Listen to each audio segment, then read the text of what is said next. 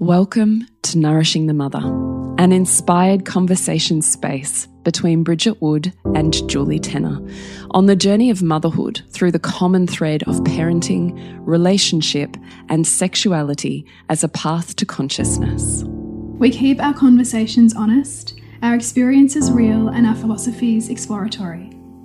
We believe that in order to raise incredible humans, we first have to raise ourselves. We know that in order to rock the family, you've got to nourish the mother. If you are here, you care about paving a path of conscious and intentional motherhood, connected with yourself and your gifts, and also illuminating your children in theirs so we may raise more whole humans who can impact this world in a more humane way.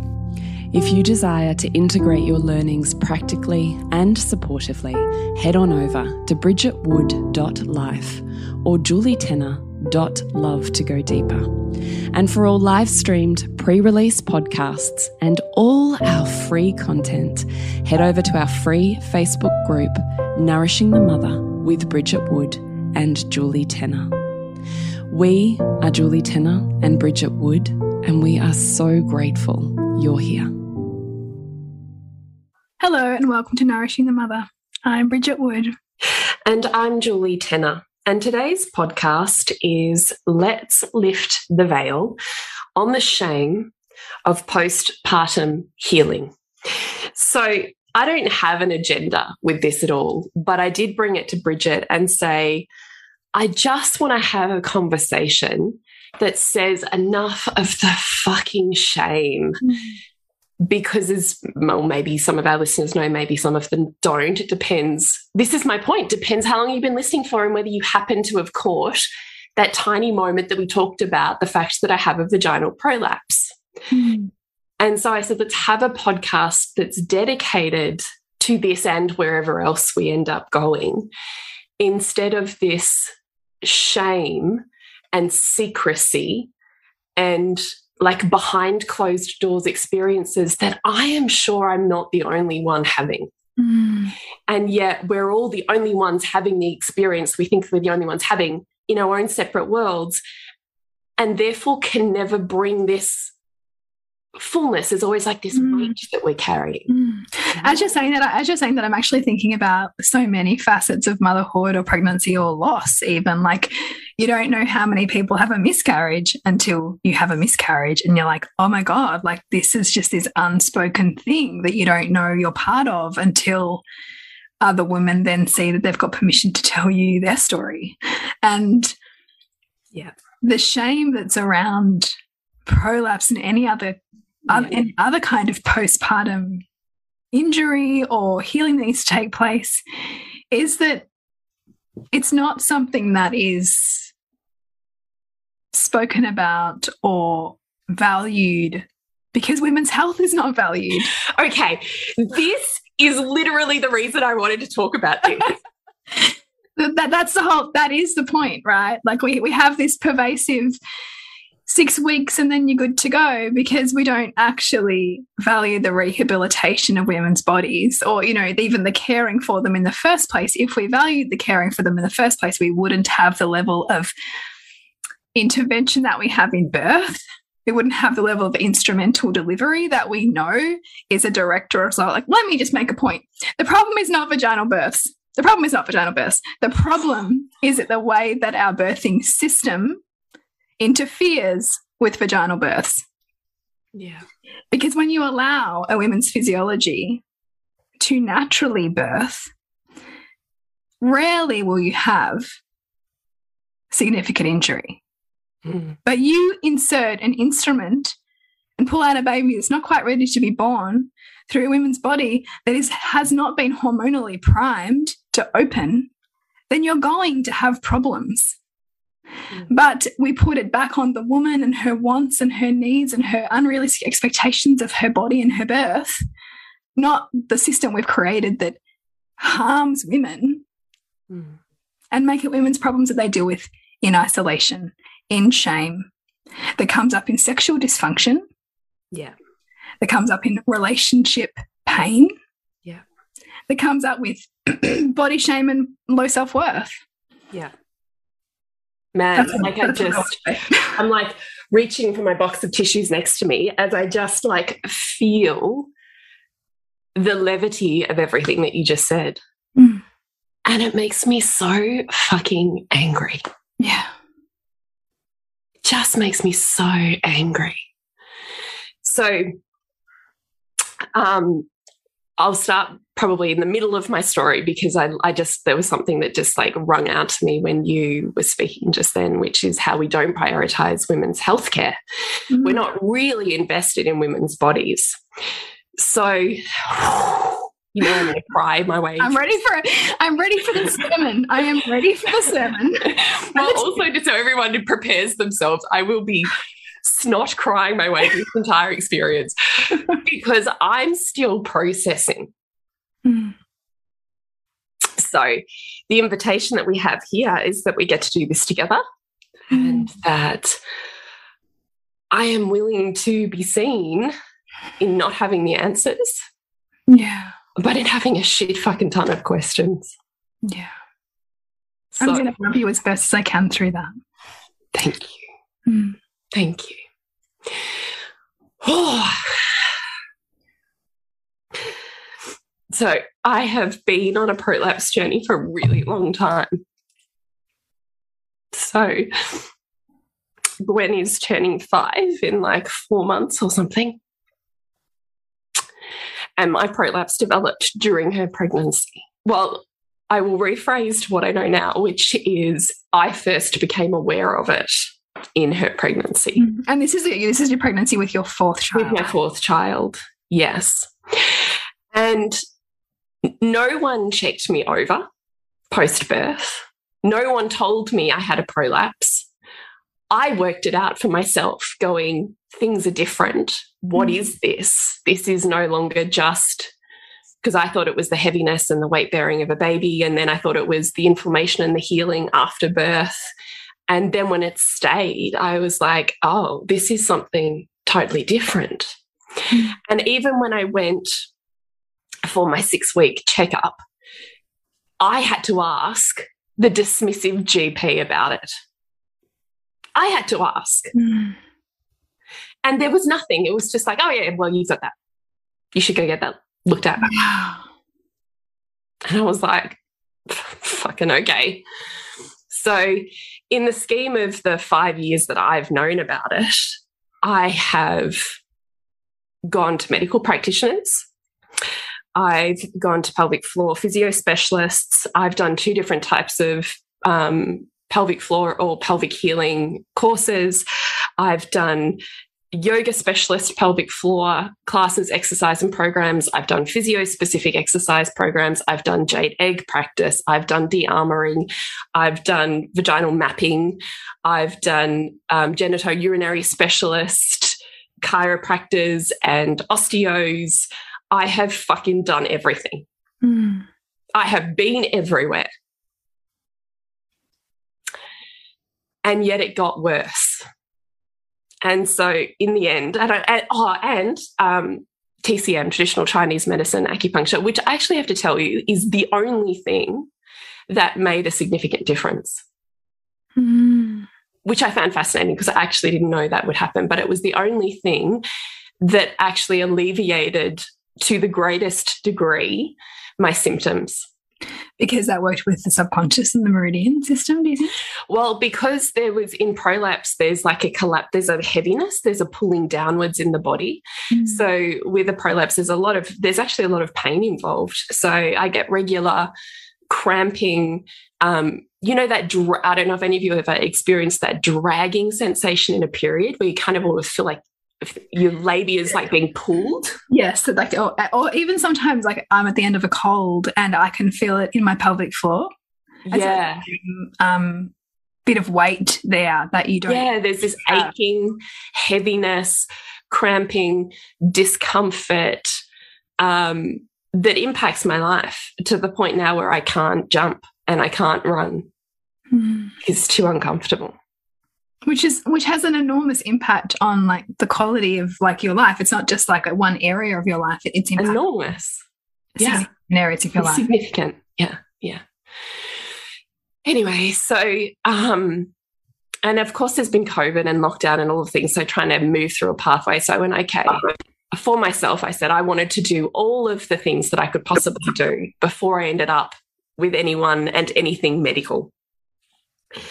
So I have got to a point where I perceive that I have done as much as I can do, and yet I'm still here. So then I thought, okay, I'm going to go down this medical path and see what options there are for me in a mainstream medical path. And there ensued even its own, you know, awkwardness and shit show and people who don't really know very much and going to this person and they send me to that specialist and that specialist doesn't do that so i needed to be sent to a different specialist. Like it's like reorienting through birth again. There's like you're trying to work your own fucking pathway out. Like the, the, the web the web of a dysfunctional system. Yeah yeah. Yeah. Anyway finally um, a couple of weeks ago i got an appointment with this um, oh i can't think what she's called but uropelvic surgical specialist. Mm -hmm. and i just praise the Lord, the divine substance that brought me there because she's fucking amazing. Like, what a relief. The first person. Oh, Jules. Like, it was fucking epic to sit there with her and have an actual proper exam. Like, someone who could actually properly say, here is the dysfunction. And she's the first person that I perceive didn't blame me. Because everywhere you go, it's because I'm not doing it enough. Because I've let my pelvic floor go. Because I haven't done enough exercises. Because I'm not disciplined enough. Whatever. Mm. And here was this woman that said to me, You know why it's not working? Because on your right hand side, one half of your pelvic floor is torn. It's not connected. Oh. And no one said that to me ever. So it wouldn't have mattered how much fucking exercises I did when something, your whole right hand side of my pelvis is not connected. Mm. There's nothing holding it together, there's no ligament supporting it. All of the fascia that would be around the outside of my vagina and essentially creates that wall between other organs and the vagina itself is completely torn. Mm. And this happened in my first birth. Your first birth? 16 years ago. How could she how could she figure that out? Like how because of the she said that's usually what it is. And when we looked at my birth history, it was my first birth that was fucking horrific with the pushing. Oh God.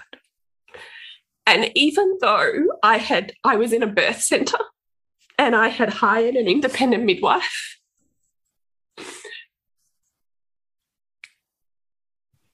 she coached me to move against my body and push this baby out in the hospital's 45 fucking minutes. And I literally tore my pelvis apart and no one fucking told me. And I was in so much pain afterwards. And now it makes sense. No one said that's an unusual amount of pain. You know, I even remember my midwife inserting her value system over me because I had a tear of um, part of the hymen tag that kind of hangs like a bit of flesh out of my vagina now. And I remember at the time the surgical staff going, Oh, well, we'll just put a couple of stitches in there. And she's like, No, you don't want stitches in there, do you? Like, you just want to stay. There's no shame in your body being what it is now after birth. But I never had that agency. Mm. So I'm angry. I'm angry at what we do to women's bodies that we think is okay. Yeah. I'm angry that I wasn't given the two or three hours that I probably needed as a first time mum to push Mm. it for my own body, not on a timeline. I'm angry that no one looked after me afterwards or told me that that wasn't normal. I'm angry at the system. And then this gorgeous um, beautiful surgeon, she sat there and said, and the problem with this, Julie, is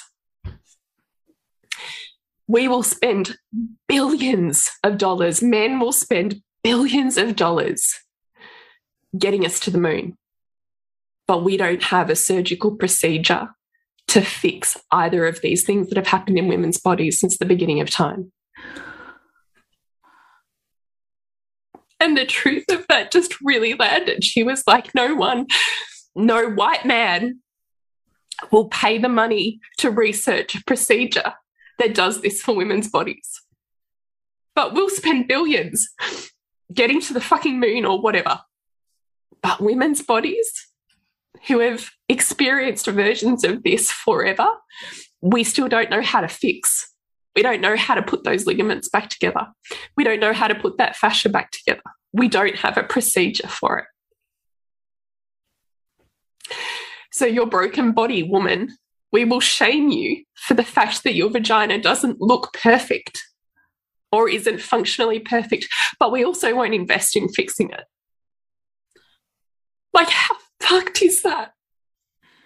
That is absolutely fucked up. And when you use that kind of illustration, it's just, oh, I find it absolutely disgusting. Yeah. So I have this beautiful, like beautiful um, woman of color, young, sitting in front of me, feminist, like she's just the most exquisite human. And I'm sitting there going, thank fuck. Thank fuck. It took a new generation of women to say this to me. And nobody has in the whole time. So, anyway, so just the anger for me that has bubbled up in how we treat women's bodies and mm. what we don't invest in, and yet what we expect from them has really hit me. And how we, I guess, try to, you know, thinking about you when you said um, you probably just needed a few more hours, like the way in which we try to force our bodies or contort them in ways that are that they're not designed to be maneuvered into. And then you know the the ramifications of that. Yeah even um i was thinking about when you were talking i was thinking because of the way that we do this to our bodies because we've learned that their fullness and their you know ferocity and their natural rhythm and pace is not to be trusted we have this kind of injury that can lay latent in the body for years and that you know it's probably rare a woman that hasn't got some birth related injury because of how we're told we need to birth. I mean even with sylvie's birth when i was in hospital and i remember hanging off you like and we you know i was i was under induction so there was a clear time limit on that. Yeah. And i had a sense of that. But i was not like i was working so hard and i was bearing down so hard and i don't doubt that that had impacts mm. because i had the same question to a midwife afterwards because i have it there's like some kind of like i don't know if it's the hymen tag or something that's different in my pelvic yeah. floor since that birth and so what was the impact of me having to work harder to make sure the hospital didn't try to ship me off for a C section because I didn't meet the yeah. requirements of their induction timeline, right?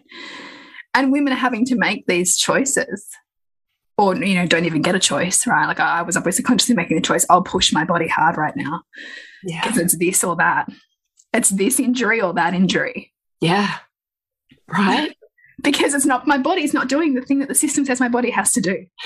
But even like, yes, all of that. And then, not even if, and mm. then nothing to support the damage. Yeah. Afterwards. So, uh, so after it's happened, because yeah. no one's paying attention to what the woman needs, right? Like, I mean, if, if we're really to heal, I mean, we're talking about something for you that probably needs surgical intervention, therefore, which no one has trained for. Yeah. Right. So, where are you? What are you supposed to do? Yeah.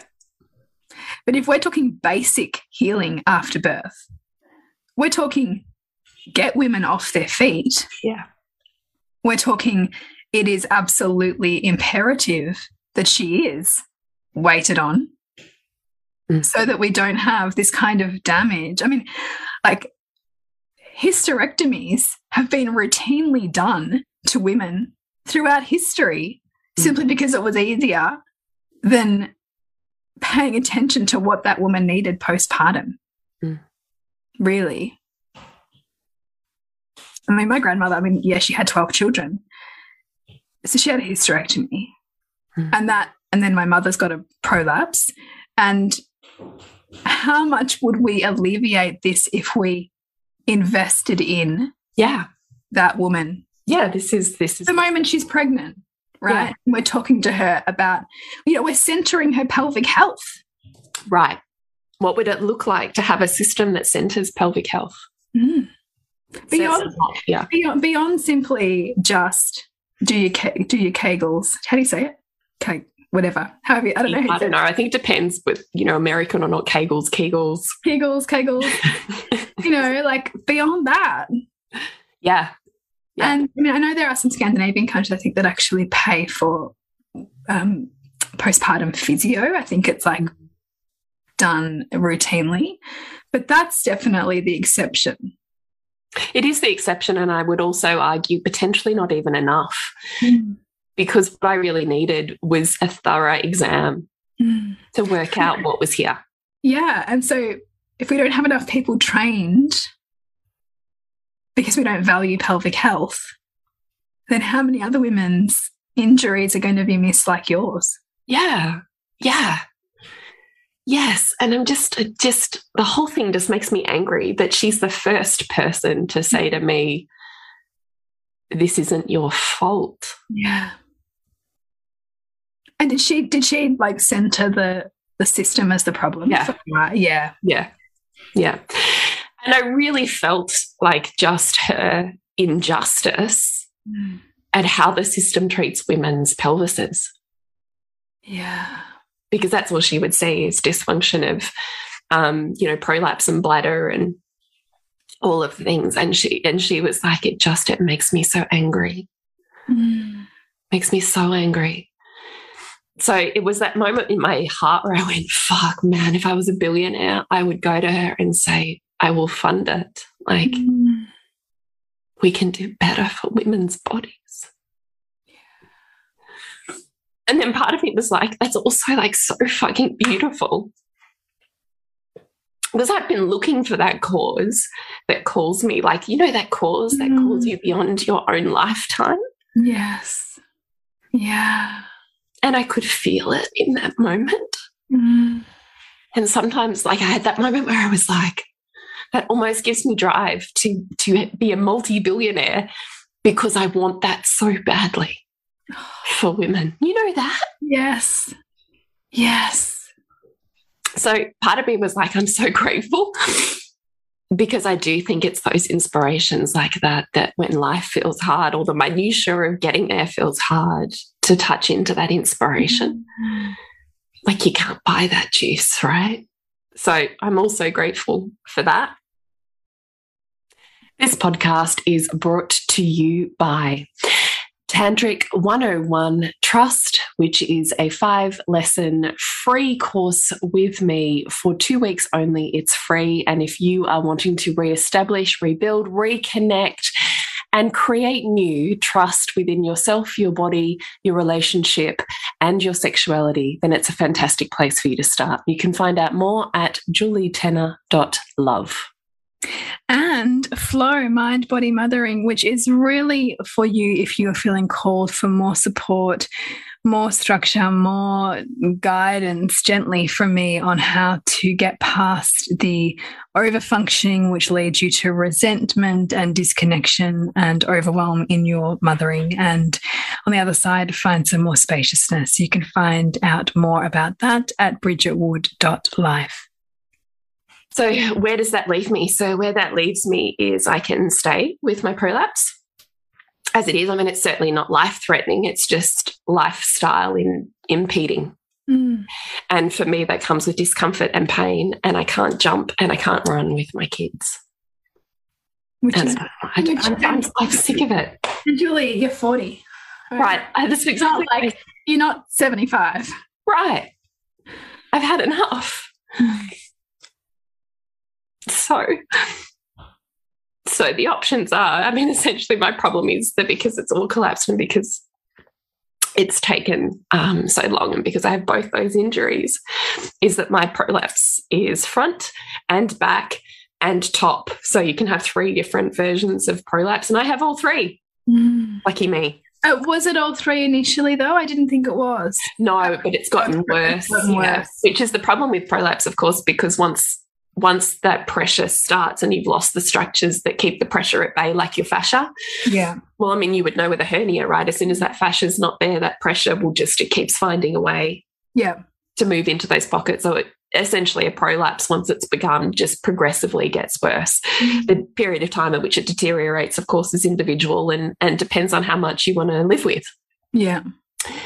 So there are these things called pessaries, which um, are like a silicon ring that you can insert, and they sit. The cervix kind of sits in the middle, and you can you kind of push up and hinge kind of on top of the pubic bone. Yeah. So it doesn't alter the prolapse in any way, but it alleviates the symptoms. So it alleviates the pain, the cramping, and the dragging. Mhm. So I've used that, but because of my prolapse having all three, it um, doesn't hold it as well. She's like, look, for some, it's just probably going to fall out, or it only partially does the job, which is exactly what it is for me. So that's not a long term solution for me. So either I stay, just leave it, which I've had enough. I don't Yeah. want to, Yeah. or I look at surgery, which is really fucking hard. Yeah. right? I feel like I'm back here, like at the fucking tonsils again, going. I hit all of my conditioning. Except, except this is the most sacred part of like for you, Right. like everything. So I hit all of my conditioning again. That's surgery is shameful and surgery is a cop out. And I like, I'm not saying that it is, but I can, I can feel myself hit all of those mm. judgments. And ultimately, what we condemn, we breed, attract, or become, right? So here I am back again here, going through these same things, questioning my own belief systems and um, I don't know, neuroses. Um, so what that looks like for me then is to fit the front to fix the front and the back. They she essentially has to cut the vaginal wall and folds it over itself, so it creates a pretend fascia. I suppose it creates the double layer and pulls it back together Mm. front and back.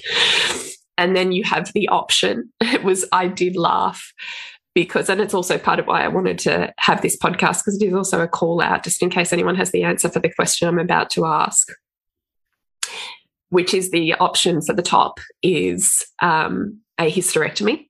So you they remove the uterus and the cervix and essentially close over the top of the vagina and suspend the vagina and attach it to um, other ligaments within the they create like a pulley system within the pelvis itself because obviously the ligament that they would normally attach it to in me is is broken so they can't attach it to that one. Um, or you keep your uterus and cervix and they pull the uterus up and attach the uterus that pulls everything else up to other ligaments higher up in the pelvic cavity. Apparently on the five year studies that I've looked at everywhere, they both have essentially a 90% success rate with people needing to potentially re have surgery again to fix the prolapses as it deteriorates potentially over age and time. Because uh, gravity will, Yeah. like gravity will Yeah. do its thing. Yeah. Yeah, yeah. So, what she was funny. She goes, So here's your two options. The only reason you would keep your uterus is if you're emotionally attached to it. Me, emotionally attached to my uterus. So I literally laughed. Like I let her finish her spiel because I wanted to know everything. I wanted Yeah. to know all of my options. And then I laughed at her and I said, Well, I am emotionally attached to my uterus. and she laughed at me and she went, Okay, interesting. and I said to her, Look, do you know? And I've reflected on it and talked to Nick about it. And I'm like, do you know, it's actually not my uterus. Like, I have like loved the shit out of my uterus. Like, I have felt connected to my uterus forever. I have meditated, vision journeyed, drummed, danced, birthed, lived in, visited, been led by my uterus for so many years. Like, I have loved the fucking shit out of my uterus to the point, you know, like parenting where you're like, I have just like bitten everything out of that experience I want mm. forever, the end, no regrets. Mm. So it's actually not my uterus because they leave the ovaries in so you don't go into um, early, early menopause. menopause. So it's literally my cycle. And mm but what I've heard or what I've read from other women is that they still hormonally experience a cycle. They just don't get the bleed. So I'm like, actually, I could I could say goodbye to my uterus because I have fucking loved it so hard for so many years. But what I don't want to say goodbye to yet is my cervix because cervical orgasms are like fucking crack. I don't actually know. I've never had crack, but that's what I think. crack like. Cervical orgasms are are like a bliss state that I have never known, have never been able to obtain another way. And I'm 40 and I'm not ready to give up cervical orgasms. Mm. But whoever I speak to about cervical orgasms, it's like a shock to them that women experience cervical orgasms. Mm. Like, it's a shock that that's even a thing or that someone's mentioning it. Did you mention to the yeah.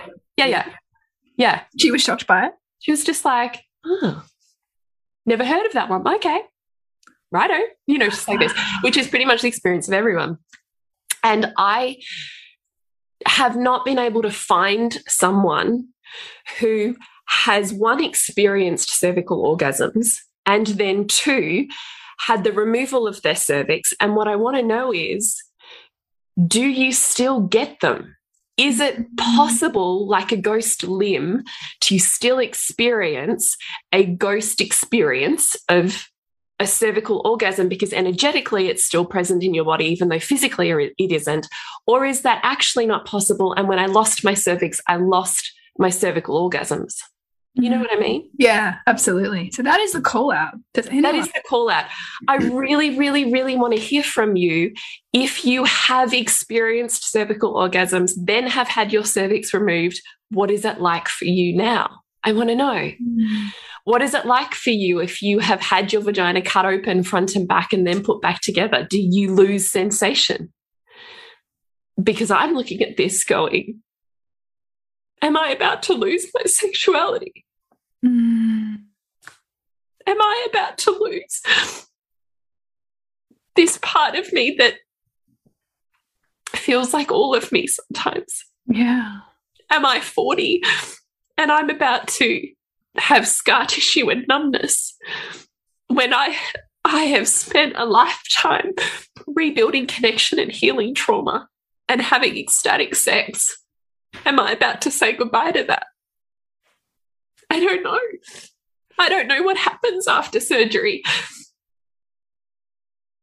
And and and the, and I mean the, the hard thing is that how often are those stories disclosed to medical practitioners who can never even tell you that, right? Like, well, and I asked her that, yeah, and she's like, the problem is it's really subjective, right? Mm-hmm. Because when you look at all of the studies, women say their sex improves because when you've got a prolapse, everything loosens and drops and kind of the mouth of the vagina opens. So there's less um, pressure, so therefore less sensation, which is true. So without focused breath practice that I work really fucking hard on, my orgasms just on their own without trying have definitely diminished. Like they're definitely not as heightened as they previously were. So I can see as the prolapse has gotten worse, my sexual satisfaction has dropped as well. So I can see that that is true. So her argument was what she has heard of is from her patients is that when everything gets put back in the right place and is tightened, essentially, because it's all put back together, that sexual um, experience of gets better. Mm. But of course, it's subjective, and I don't know. And she doesn't know about cervical orgasms, and nobody does. And I can't find anyone who does. And I don't know what happens afterwards. And there's also what's one person's definition of better sex Yeah. versus your definition Exactly. of better sex, right? Right. Is it like better friction or is it deeper Exactly. sensation? And if you're getting Right. as a result of surgery, then that's not helping your sensation. Exactly. So nuanced. It's so nuanced and it feels like a rock and a hard place Mm. because I want my lifestyle back. Yeah. But I don't want to lose my sex. Mm. Oh, Jules. So it's a really shitty place to be. And part of the reason I'm having this conversation is one to see if anyone knows the answer or has lived experience, but also just because I can't find anyone who does. And how shit is that? Yeah. Because it makes it that much more isolating. Yeah, I can't. I can't be the only one. Mm. So that's my story. It's where I find myself. I want to choose surgery for me, Yeah. but I'm scared. And there's no guarantees. And it's still six week recovery. Mm. And- and how how- that looks, And how you do that recovery is obviously also going to be incredibly important. right? Mm. It's like going to be like the almost like a a lying a post birth lying in that you never got. Right. Like, you have to do that if Exactly. to work. Exactly. And I don't even know how I, I, I mean, obviously I would find a way, but I don't even know how to do that with four kids. Yeah. And there's the shame of asking for help and telling people the reason. Yeah. I'm having surgery. Like I have to tell my kids too, right? I'm having surgery. I don't want to put fear of birth in my girls. Yeah. Fuck. It's a whole other layer, isn't it? Right. Fuck. So I don't know how to have that conversation. I obviously am going to need help from friends. I mean, friends is probably the easiest to tell, but my family, my in laws, Mm. I'm going to sit there and talk about my vagina. Like it just is so layered. Why am I not at basketball? So now I have to tell the basketball parents. You know, like I'm just like, Yeah. just, You're almost, you're, you're, you're, almost, you're almost having to live this experience into greater consciousness. yeah. So in a way, Yeah. this is my first like this is happening this is what i'm doing Mm. this is my first step in facing my own shame story instead of keeping it silent Mm. and shameful because it's fucking not Mm. i haven't done anything wrong there's nothing wrong with me Mm. i have an injury and if that were a man's penis if that were a man's achilles Yeah. you can bet your bottom fucking dollar we'd have surgery straight away for that Mm. Oh God! Like, yes. And yet here, I, I I still can't get over the fact that this specialist is telling you we don't know how to fix this. Yeah. Because we've never had anyone invest research in it. Mm. But then I'm also not surprised because didn't medicine up until very recently completely not even believe about women's G spots or understand women's sexual yeah, true. right? Even even the clitoris, right? It's a fairly 10 year recent kind of discovery. So when you consider that, I'm kind of not surprised, but I'm also enraged. that, oh, you know, exactly. That, that we've explored enough of the human body that's important to us, and now we're going to go colonize Mars. Right, right. But can you imagine if it was a man's penis that was collapsing? Oh, fuck. Can you imagine Oh my god, we the would have amount of like, research we would have? we'd have like you know a percentage of the GDP dedicated to to researching us. Exactly. Oh my god. The the like the contrast is so stark. It just makes me so angry. Mm. Fuck. so if you've listened this far, I just want to say thanks for listening. Because that was a lot of And like I really want to say, like, I just love the way in which you tell your story because it just puts words and feelings to so many others, I'm sure. I hope. Other women who have sat in, you know, have sat in these specialist rooms, you know, and who've been Felt the shame and the blame. gaslit, gaslit, Yeah. given no, you know, next step or blamed Or or proper examination. Mm. Like just none of Or also, you know, how I mean, how many women, and I'm guessing that I'm one of them, are walking around with a first stage prolapse, you know, with with one that they don't quite Yeah. aren't quite sure is one, but Yeah. that if it's not appropriately managed becomes Yeah. one because this is also what happens, right? Like exactly. it- Exactly. The more the, the bigger your babies and the more babies you have, the more likelihood you're going to have a uterine prolapse, or some kind of prolapse. And so, but because there's no public awareness campaign of women looking after their pelvic floor and, you know, women having, you know, because really we probably should be having intervals of checkups on our pelvic area, you know, X number of years after you have children, because we know that the time has an impact on you know how well that area heals and and all of that but there's nothing i guess until you walk around and start to feel it like it's you know like it's all falling out Yeah. Oh, poor you. Mm. You must not have done enough. You haven't looked You after yourself you enough. didn't you didn't sit at the traffic lights and do your exercises julie Right. This is this is the part that that kind of kills my heart. Mm. Mm. Is the amount of we don't offer support systems, we don't support you at all, and then we'll blame you and shame you when it doesn't work. yeah I Just well it's ah. it's the whole it's, it's the classic though like we'll just absolve ourselves of any responsibility and put it back on you rather than have to because responsibility means oh shit we have to do something like as a system as a as Yeah. a government as a, as a peak body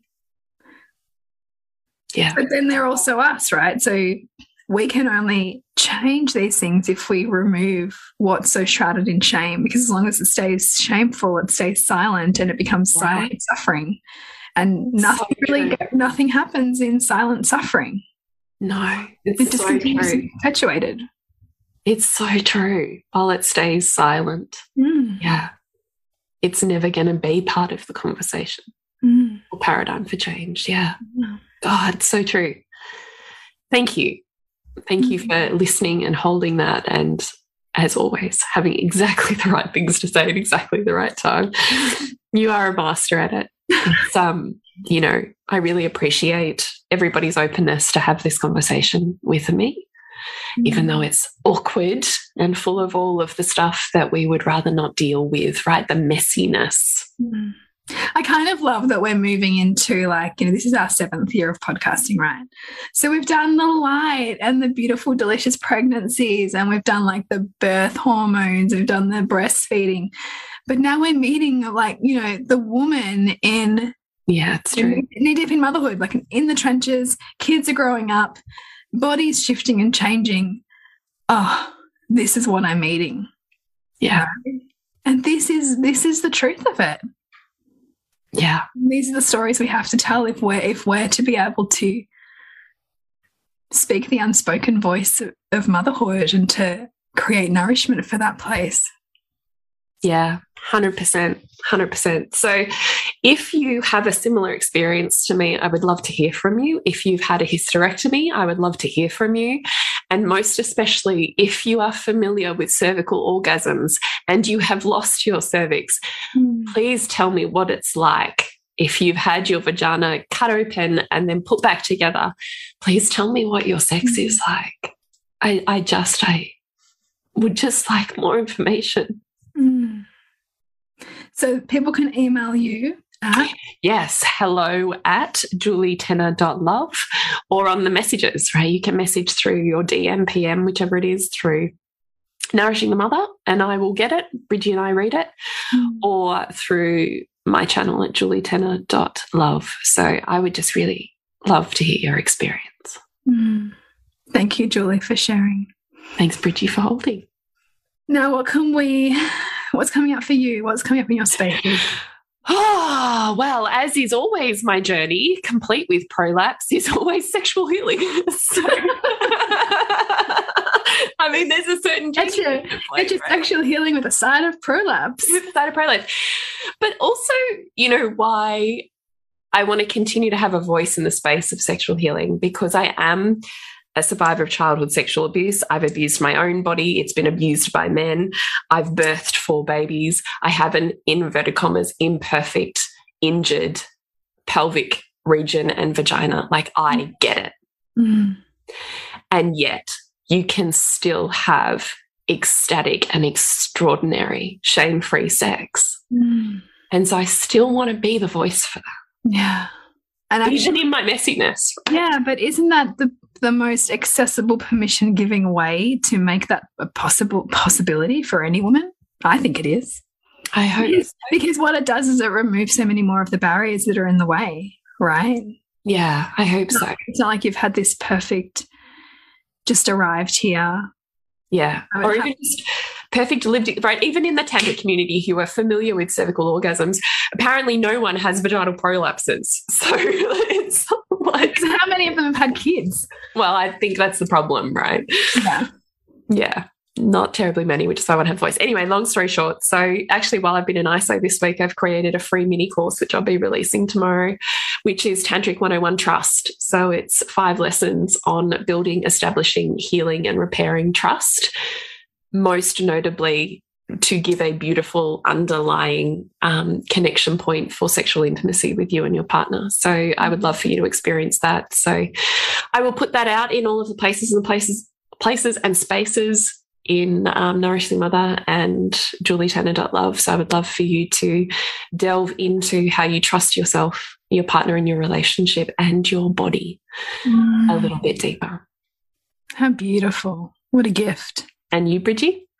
Yes, it's all things reimagining motherhood community for me. And also that I'm really noticing how much we need to have the grounding and support for mothers beyond the um, resentment, kind of beyond the overfunctioning, moving into resentment cycle that I see so many mothers do or get caught up in. Mm. And then what then happens is the mummy wine club as a way to deal with that, mm. which is actually not really a way to deal with it. It's a way to avoid it. So my flow mini course, Mind Body Mothering, is a really beautiful way to just recalibrate um, your own relationship with your children and your mothering and your family dynamic.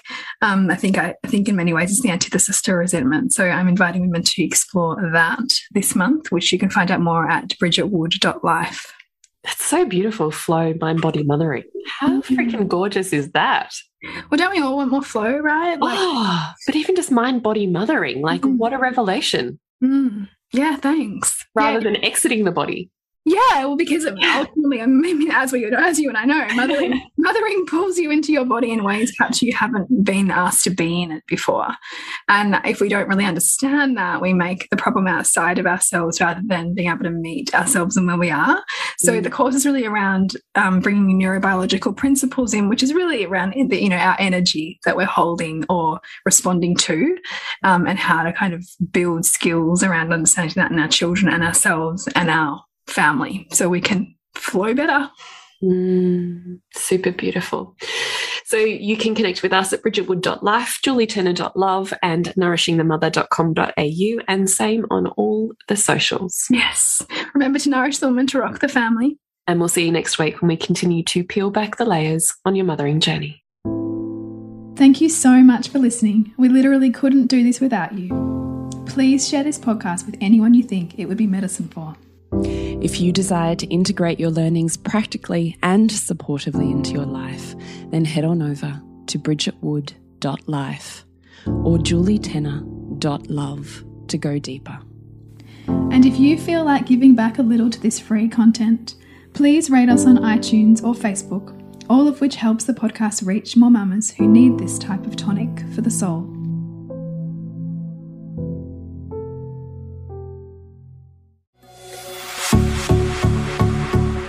This has been a production of TheWellnessCouch.com. Check us out on Facebook and join in the conversation on Facebook.com forward slash The Wellness Couch. Subscribe to each show on iTunes and check us out on Twitter. The Wellness Couch, streaming wellness into your lives. Whilst the Wellness Couch presenter endeavor to provide accurate and helpful information to their listeners, these podcasts cannot take into account individual circumstances and are not intended to be a substitute for health and medical advice from a qualified health professional. You should always seek the advice of a qualified health professional before acting on any of the information provided by any of the Wellness Couch podcasts.